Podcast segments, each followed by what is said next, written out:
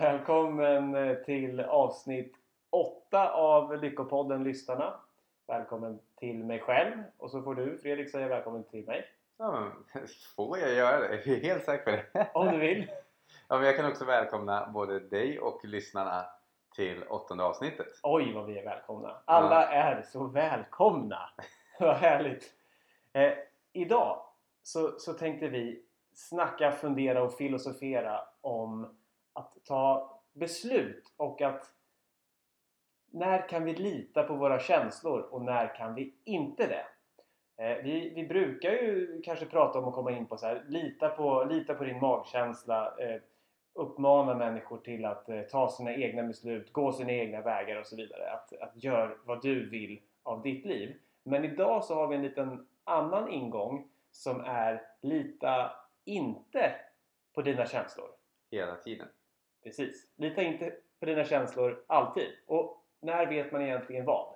Vi ska se om vi blir, om vi blir klokare eller mer förvirrade av det här avsnittet.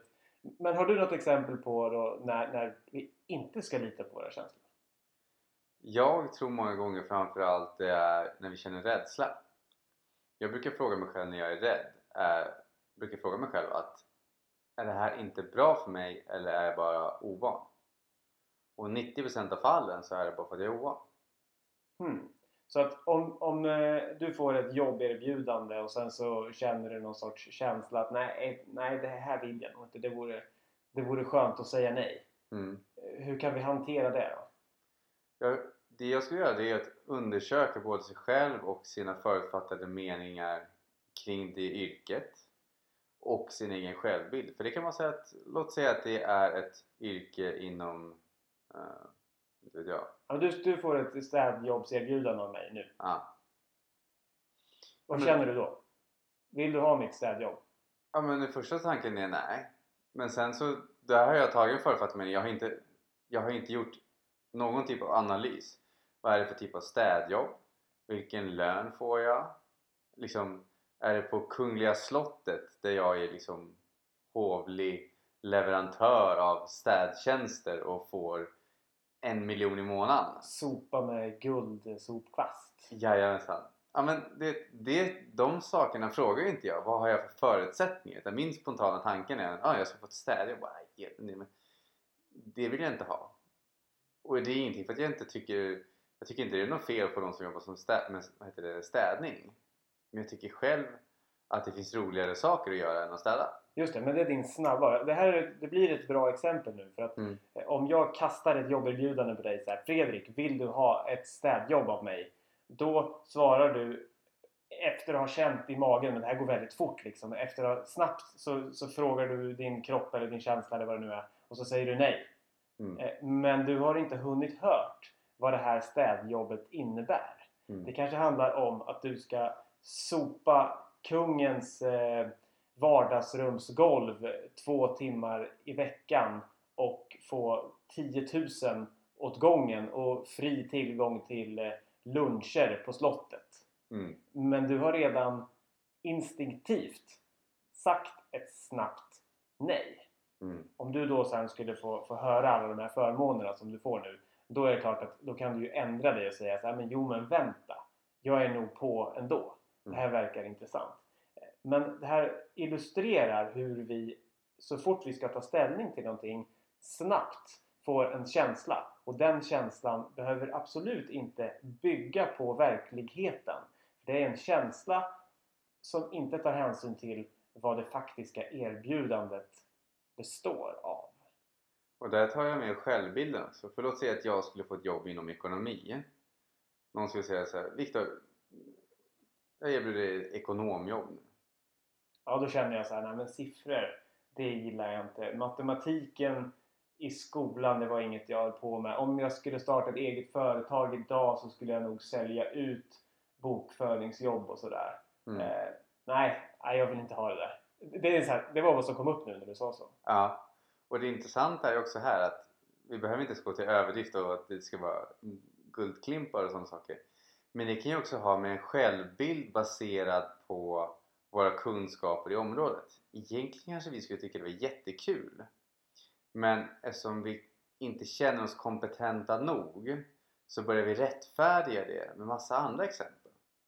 Just det, jag kom ju att tänka på mattelektioner då och jag gillade inte dem och det var för att jag fick kämpa så för att få ett hyfsat betyg just i matte. Mm. Och då väckte jag nu känslan av att jag är inte duktig på ekonomi därför tycker jag inte om det. Så jag bedömde mig själv som inkompetent Mm.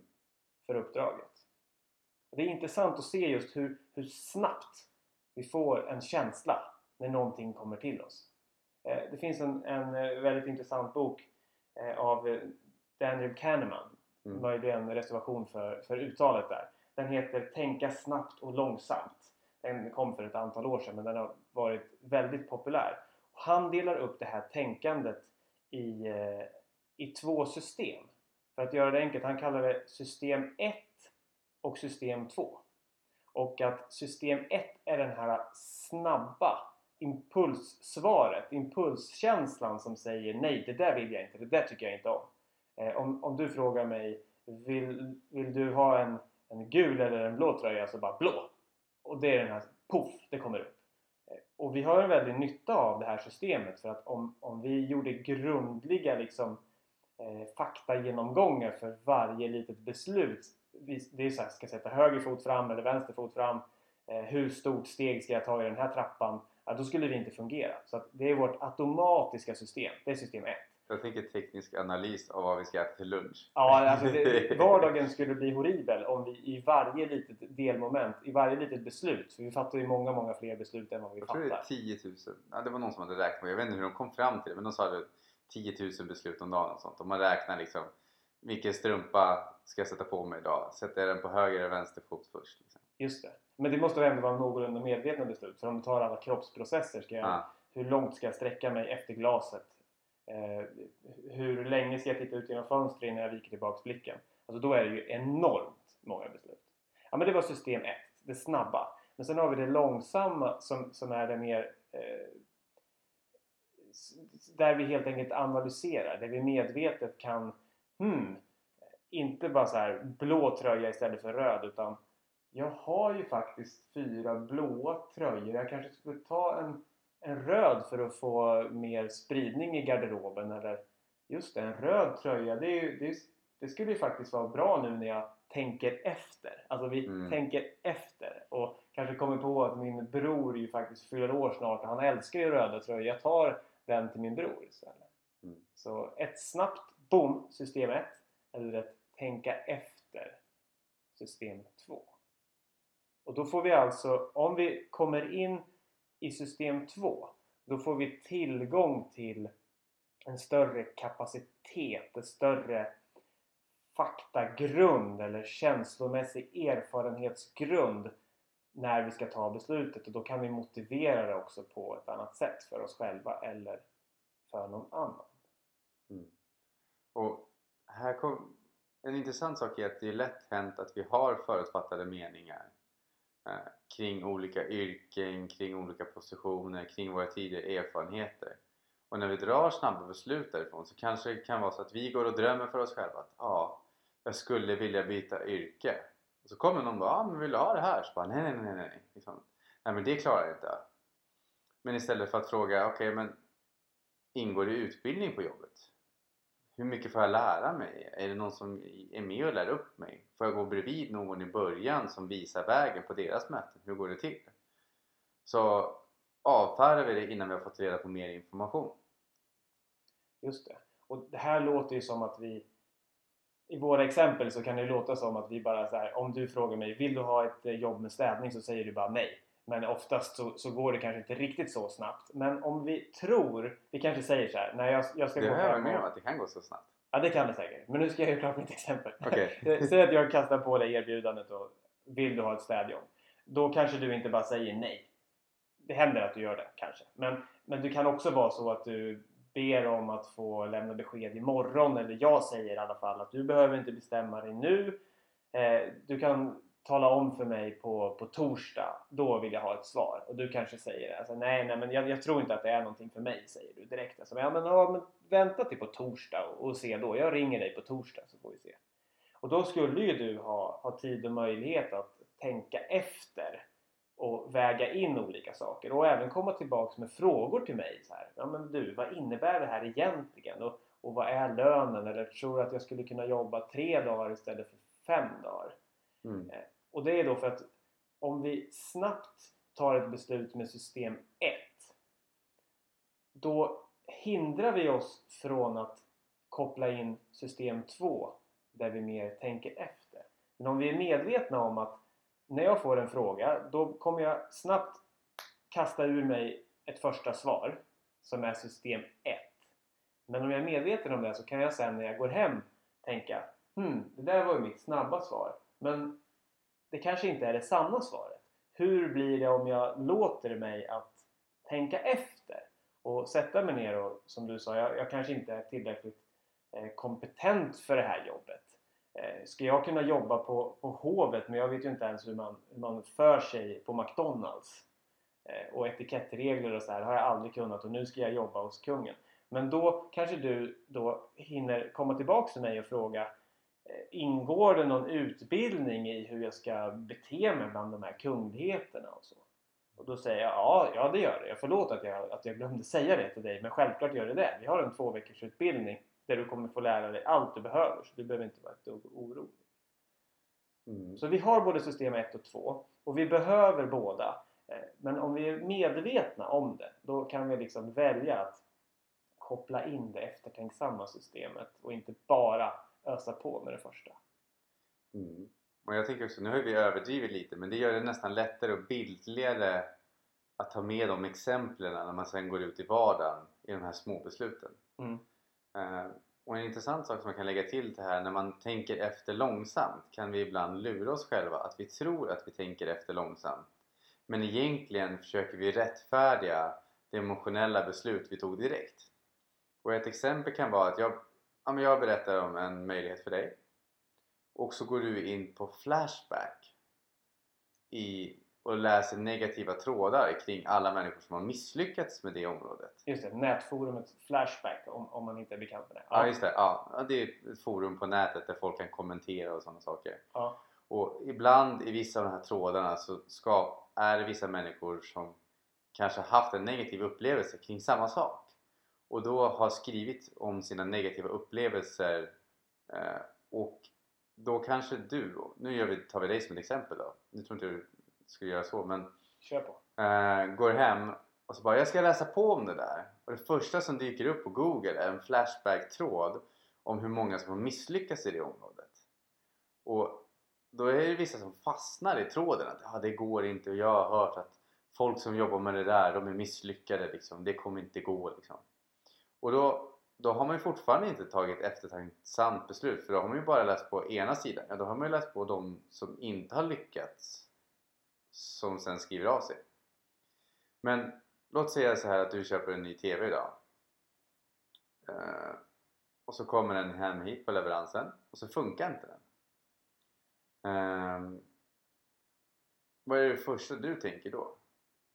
Om jag köper hem en TV som inte funkar så tänker jag att den här vill jag lämna tillbaks. Ja, Jag kan inte lita på Siba. ja. Eller vad det nu kan vara. Och så är det så att då kan de säga så här, ja du kan få skicka tillbaka men du får betala frakten. Ja. Och då tycker jag att det är snålt att det inte är mitt fel att TVn inte funkar. Ja. Finns möjligheten att du skulle prata med någon om det då? Nu vet jag inte om du gör det som håller på med Lyckopodden men Jo, det- skulle jag säkert. Eh, Om, om ett företag eh, skickar någonting som inte funkar och sen kräver att jag ska betala för att de inte har fyllt sitt uppdrag. Då kommer jag säkert säga det till, eh, till dig eller Ja. någon annan. Och så är det alltså att det, det blir försening så det tar en månad tills du får en ny. Så Då kommer det bli ett samtalsämne. Ofta för att det är lätt att komma på något att relatera till. Så här. Det är lätt att få, få klaga lite. Så man träffar någon på ICA eh, eller Konsum eller vilken affär som helst. Och så säger de Hur är läget med dig då? Så här, jo men det är bra. Eh, det är klart. Det, jag har beställt en TV nu här och det är bara krånglar. Ikväll skulle jag se på Melodifestivalen. Men eh, Siba har ju, är försenade en månad med leveransen. Inget ont mot Siva. Nej. Företaget. Eller, så, så det är klart att eh, hmm, man kanske får gå över till grannen ikväll då. Mm. Att Det skulle jag säga, kanske inte nödvändigtvis för att jag var så arg utan också för att det var någon sorts Det blir ett samtalsämne, sitta och Det kan vara lätt att få klaga på saker. Det, Ja. det, det är ju lättare, alltså det är lätt hänt för vissa om man, och det är att komma på sig själv att man gör det. Mm. Men låt säga att du får hem TVn, du installerar den, funkar precis som det ska. Mm. Går du i en och en halv månad efteråt till varje person du träffar och bara Ja, hur är läget idag? Oh, vet du vad? För en månad sedan då köpte jag en TV och när jag satte på den idag då funkade den. Den fungerar? Ja! Nu förstår jag vart du vill komma med det här exemplet. Att, att om någonting är som det ska Mm, så är det ingen nyhet. mm, Jag har ju själv eh, bakgrund som journalist och då är det många som, som säger varför varför skriver ni bara om, om elände i tidningen? Varför skriver ni bara om olyckor och mord? Och då är det ett sånt där klassiskt exempel som man får lära sig att höra på, på journalistutbildningar som är Hur skulle du själv vilja läsa i, i tidningen så här På E4 idag passerade 200 000 bilar Ingen körde av vägen. Det är liksom inte något större nyhetsvärde. Det är när saker skiljer sig från det vanliga. Idag passerade 100 bilar på E4 och 20 av dem var inblandade i en våldsam seriekrock. Men det är där jag funderar på, man kan ju själv välja Alltså tidningen, nyheterna kan ju skriva om det, man kan ju själv välja om man vill läsa dem eller inte.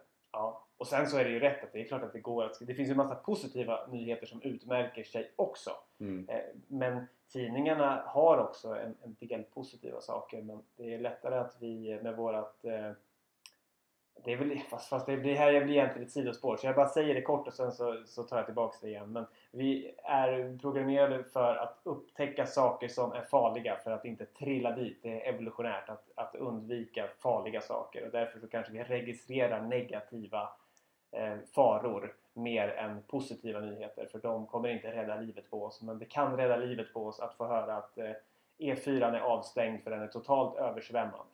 Så ta en annan väg. Det kom- kanske inte räddar livet men ni fattar grejen. Ja, och det här kan jag komma in på också att en, många av de här besluten lagras i vårt minne, eller besluten, alltså det, när vi läser nyheterna, när vi är inne på forum och sånt, det lagras i vårt undermedvetna en stor del av den informationen som ligger till grund för våra beslut. Så när vi tar ett snabbt beslut att det här känns inte bra så är det, då är det inte intuition utan då kallas det föraning istället. Och då tänker man sig, ja, jag reagerade snabbt här. Men då kan det ju vara egentligen att man såg att en bil svängde ut. Att det undermedvetna har registrerat någonting i förväg baserat på den informationen man redan hade. Som gjorde att man kunde ta, få en snabb föraning att nu skulle det ske någonting. Just det. Men om vi går tillbaks till det här med beslutsfattande röda tråden som att få en snabb impuls eller att tänka efter exempelvis. Mm. Och att den här snabba impulsen eller känslan som vi i vardagligt eh, tal kallar det. Att den ofta saknar eh, relevans. Att den saknar rationellt faktamässigt underlag. Mm. Så om, om du skulle säga till mig Jag ska åka till Ryssland imorgon och jag flyger inrikes med tre byten. Då skulle jag tänka så här, shit farligt att flyga i Ryssland. För det var ju några år sedan, då kommer jag att tänka på den här äh, olyckan när ett helt eh, hockeylag omkom. Bland annat svenska målvakten Stefan Liv. Och, och det är någonting som jag har minnen från och då satte det fingret på hur osäker den ryska flygtrafiken är. Så att Ryssland och flygtrafik inrikes, det har en väldigt negativ klang hos mig. Eh, Så då skulle jag nog säga så här, nej men ska du inte ta bilen eller åka buss eller vara åtminstone väldigt noga med vilket flygbolag eh, som du tar. Mm. Och förmodligen så är det sant att den ryska inrikestrafiken har högre risk än exempelvis den svenska eller den finska eller Men norska. det här kommer ganska intressant då. Ja, ja. Har du tagit snabbt beslut nu eller har du läst på fakta som särskiljer hur många svenska olyckor har skett Ja. i flyg och hur många ryska har skett inom flyget? Nej men precis, och det är dit jag ska komma. Så, tack för att du, att du hade en föraning om det. Jo, så jag säger förmodligen så, så är vårt svenska och norska eller finska, det är ju väldigt eh, nordiskt patriotiskt här. Att jag tror att vi är så himla bra märker jag ju. Och det är väl också en förutfattad mening. Eh, men förmodligen så har vi, min känsla är att vi har lägre antal flygolyckor här. Det var väldigt länge sedan som jag hörde talas om om en flygolycka i den digniteten i våra länder. Men ändå, när jag ska ta mitt beslut om vad jag rekommenderar dig för färdsätt på din resa i Ryssland. Då skulle jag behöva gå ännu ett steg djupare. Jag, jag skulle behöva gå ner och kolla på okej, okay, så här många flyg, så här många avgångar har flygen i Ryssland på ett år och så här många olyckor är det.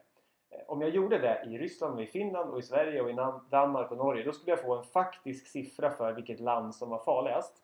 Och låt oss säga att den siffran skulle säga att Ryssland är det farligaste landet att flyga i av de här olika. Så fortfarande kommer sannolikheten för att du under två flygningar i Ryssland råkar ut för en krasch vara förmodligen försvinnande liten. Alltså, det är förmodligen farligare för dig att sätta dig i bilen och åka två timmar på landsvägen i Sverige än vad det är att checka in på ett ryskt inrikesflygplan. Ändå så kommer jag inte ha några problem med att du berättar att du ska åka till din släkting två timmar bort med bilen. Men jag har direkt min rädsla som låter mig färgas när du ska åka till Ryssland för inrikesflyget. Det kommer jag ihåg, för statistiskt sett så är det fler som dör i bilolyckor än i flygolyckor. Ja. Men ändå finns det... Nu gjorde jag en föraning, men jag gissar på... Nu kommer jag in på det här igen. Jag gissar på att det är fler som är flygrädda än bilrädda. Det tror jag också. Men det kan jag inte veta utan det är ju någonting jag gissar på nu. Ja, men samtidigt så... Jag tror att när du och jag sitter just nu och reflekterar på det här sättet så är det mer, mer vårt system 2 som arbetar än system 1. Jag kan inte veta allting utan att ha faktakollat det. Men jag kan ha en, en, en tanke eller en, eh, liksom en, en upplevelse av att det här är nog mer sannolikt än det andra. Och inte bara när jag tar ett snabbt känslomässigt beslut utan även när jag får fundera på det. Men det första, en av grejerna som dyker upp här egentligen hos mig är ju hur långt ska man dra det? Alltså, ja. Det går ju att dra saker och ting till dess oändlighet då liksom. Det, det kommer sluta med att man utbildar sig nästan till flygpilot, vad heter det, flygpilot för att kunna lära sig alla fakta kring flygplanet när man ska flyga genom Ryssland. Ja, eller flygpilotsstatistiker. Jag vet inte, ja, man skulle ja. behöva vara så utbildad i statistik överhuvudtaget för att kunna tolka den statistiken. Och fart går gränsen då? Här. Alltså det kan ju bli över... den går här i Lyckopodden eh, där vi ballar ur. Mm. Ja, men alltså, det är det som jag är inne på också man kan ju analysera beslut och lära, läsa på mer men vart går gränsen till att det blir överdrivet? Ja, men, men det är det jag menar att allt handlar inte om att gå hem och läsa på och ta reda på statistik utan att mycket är vunnet om vi bara kan, kan identifiera och vara medvetna om att vår snabbaste känsla inte är säkert att den stämmer och så tänka efter vad känner jag egentligen eller med vad grundar jag den här första snabba känslan eller beslutet.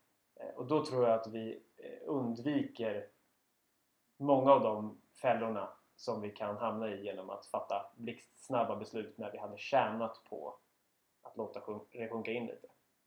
Och jag kan ta med det här att du vet förut när jag tänkte, jag kom på mig själv med tiden ju mer jag lärde mig om olika saker var så här, herregud jag kan ingenting. Men det finns någon känd eh, person från typ tusen år sedan, 2000 år sedan som sa det att eh, allt jag vet är att jag vet ingenting. Men därför vet jag en sak mer än de flesta. Just det. Ja. Någonting liknande det i alla fall. Ja, det är klokt. Och det har jag märkt också att det, det var så mycket saker som jag trodde på som för då kan man säga så att ja vadå, får man inte veta någonting? Och jag kan säga att i stora drag så, så fort vi säger att så här är det. Då missar vi möjligheter till att ta in ny information. För det är ungefär som att Henry Ford, hade han frågat eh, ja, kunderna vad de ville ha, då hade de önskat sig en snabbare hästvagn. Istället så, så skapade han eh, snabba bilar. Ja, massproduktion av bilar. Att bara för att saker har varit, på, varit så på ett visst sätt men så länge vi... Jag tror egentligen liksom skapa nyfikenhet och upptäcka saker i det som kan löna sig mest. Så att man inte hamnar i att jag, jag kan ingenting så det är ingen idé att ta ett beslut. Det är ju inte heller något sunt. Utan mer en nyfikenhet att jag vill lära mig mer av livet, upptäcka mer saker och på det ta beslut ändå och lita på att om det blir fel så är det meningen också för jag lär mig någonting när det går fel också. Just det. Om vi ska koppla tillbaks det här till, till röda tråden som, som har blivit lite system 1 och 2 så tänker jag att om du ska presentera ett förslag för mig eller ett jobbprojekt eller eh, vad vi ska äta till lunch, vad som helst. Eh, att jag då, eftersom jag vet att system 1 gärna går in och tar ett snabbt beslut så kan jag försöka bli medveten om att eh, ta en liknelse, att jag har en tekopp. Mitt huvud och mina tankar är som en tekopp och om den tekoppen, min tekopp redan är fylld om jag redan har förutfattade meningar om vad jag tycker i den här frågan som vi ska prata om och så kommer du med ny information och försöker hälla på med tekannan då kommer det inte finnas något utrymme för tevatten för min tekopp är redan full. Så att om jag vill kunna faktiskt ta till mig av det du kommer att säga. Att jag bestämmer mig för att tömma min tekopp så att du kan få fylla på med din information och sen kan jag smaka på den, eh, den informationen och välja om jag vill ta tillbaks den informationen som jag fyllde min tekopp med först eller om jag tycker att din information är mycket bättre så jag slänger ut mitt gamla vatten. Eller om jag vill ha lite av ditt tevatten och, och lite av mitt så har jag berikat eh, min egen teblandning. Och här kan jag lägga till någonting som eh, en kille som jag har träffat många gånger som heter Darren Weeks. Han har jobbat en del med Robert Kiyosaki. Och han berättade just det här att de skickligaste personerna att få igenom sina budskap det är de som vet vad som redan finns i folks tekoppar så att de kan hjälpa dem att tömma dem åt dem. Just det. Och ett exempel på det skulle vara Låt säga att jag vill presentera en ekonomisk möjlighet för dig.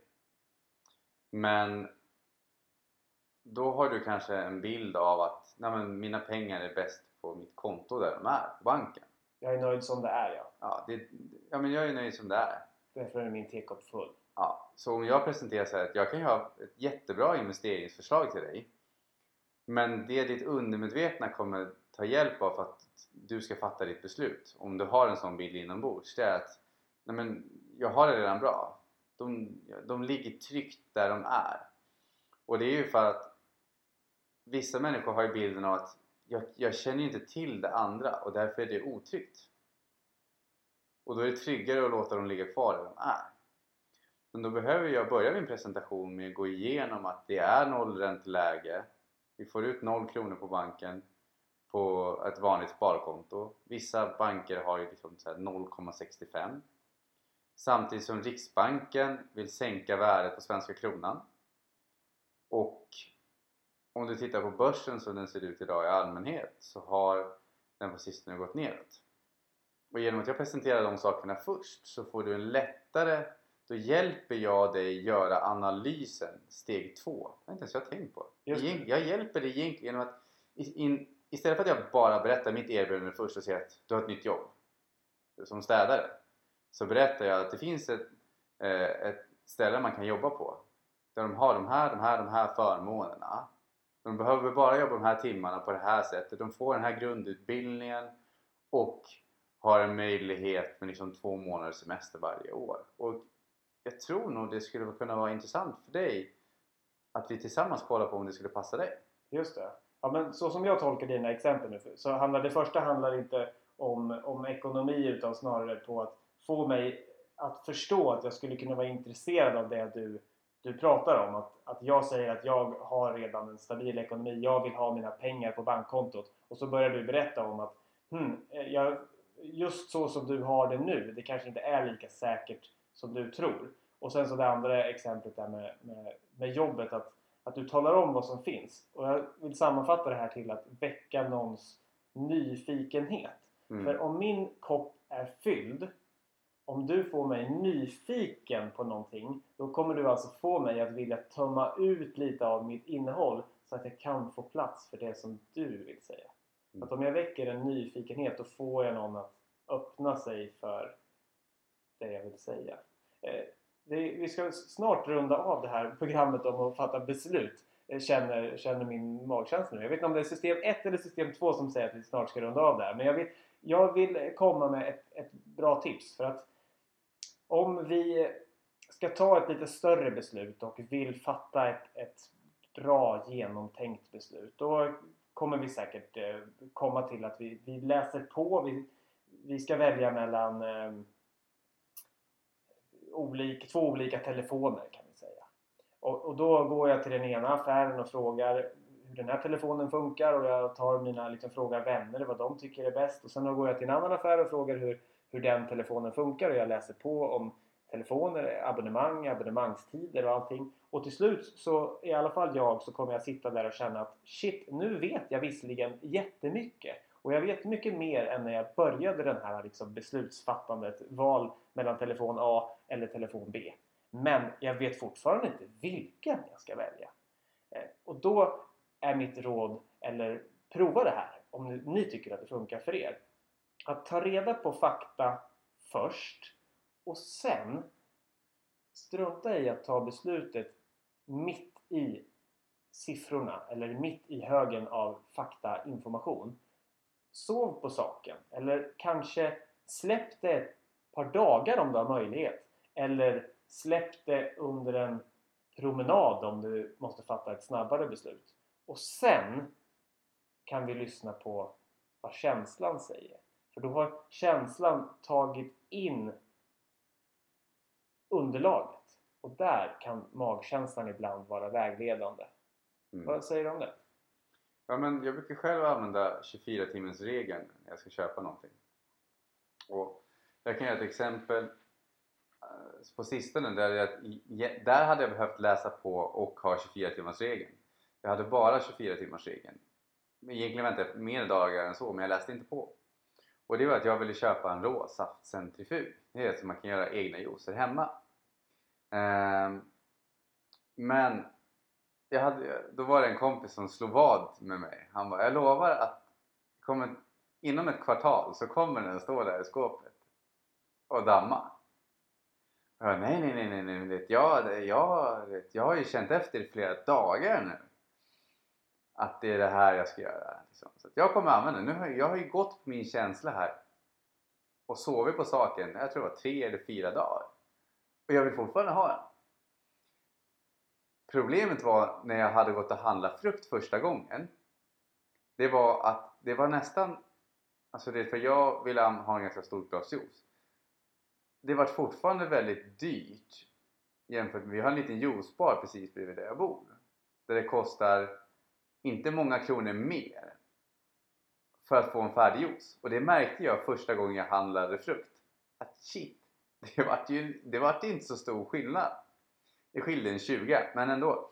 Men då kom jag fram till att de dagar jag ändå vill ha juice då är det ju värt 20 kronor för att slippa stå och tvätta, rengöra den här juice, alltså en typ av juicepress då. Mm. Eh, alla olika delar, gå och handla frukt och alltihopa. Bara gå dit ner och ha en trevlig upplevelse i en skön atmosfär med en kompis. Och sen har den stått och dammat sen dess. För att jag tog reda på faktan efteråt. Jag gick på bara så här sova på saken, sova på saken. Så jag gick, och det kopplar tillbaka till det du sa där. Det var att först läs på faktan först och sen sov på saken. Just det. Läs på faktan först eh, och lita på att sovandet på saken bearbetar faktan och sen kan du våga gå på känslan. Och känslan då i det här fallet kan vara jag ska köpa frukt, råsaftscentrifugen. Ja, en typ av juicefrest kan man säga. Ja. Eh, och jag vill egentligen avsluta det hela med att säga att även om det visar sig att du tar ett beslut och det skiter sig katastrofalt ändå så gör det ingenting. För då lär vi oss någonting av det också. Precis och det kan ju vara träligt att, att den här råsaftcentrifugen står där och dammar. Eh, men det är mindre tråkigt Träligt sa jag där, det är ett märkligt uttryck. Jag avslöjade mitt ursprung där. Men det är ju mindre tråkigt om vi kan se det på att så här, okej, okay, det kanske inte blev så bra men jag lärde mig någonting om beslutsfattande. Eh, och det mm. kanske var värt de där pengarna. Ja, så, du... jag, jag, bet jag betalade för beslutsfattande lärdomar. Ja, precis. Och att fatta beslut, det kan vara, det kan vara värt mycket att lära sig mer om den processen. Mm. Eh, nu, eh, nu tar jag beslutet att det här programmet är över. Köper du det? Ja, just det här avsnittet är det i alla fall. Och med det så får jag tacka för oss och önska er en fantastisk vecka. Eh, tack själv eh, Fredrik och eh, tack lyssnarna. Ha en fin vecka med nyfikenhet kring beslutsfattande. Ja, ha det gott. Hej hej! Hej hej!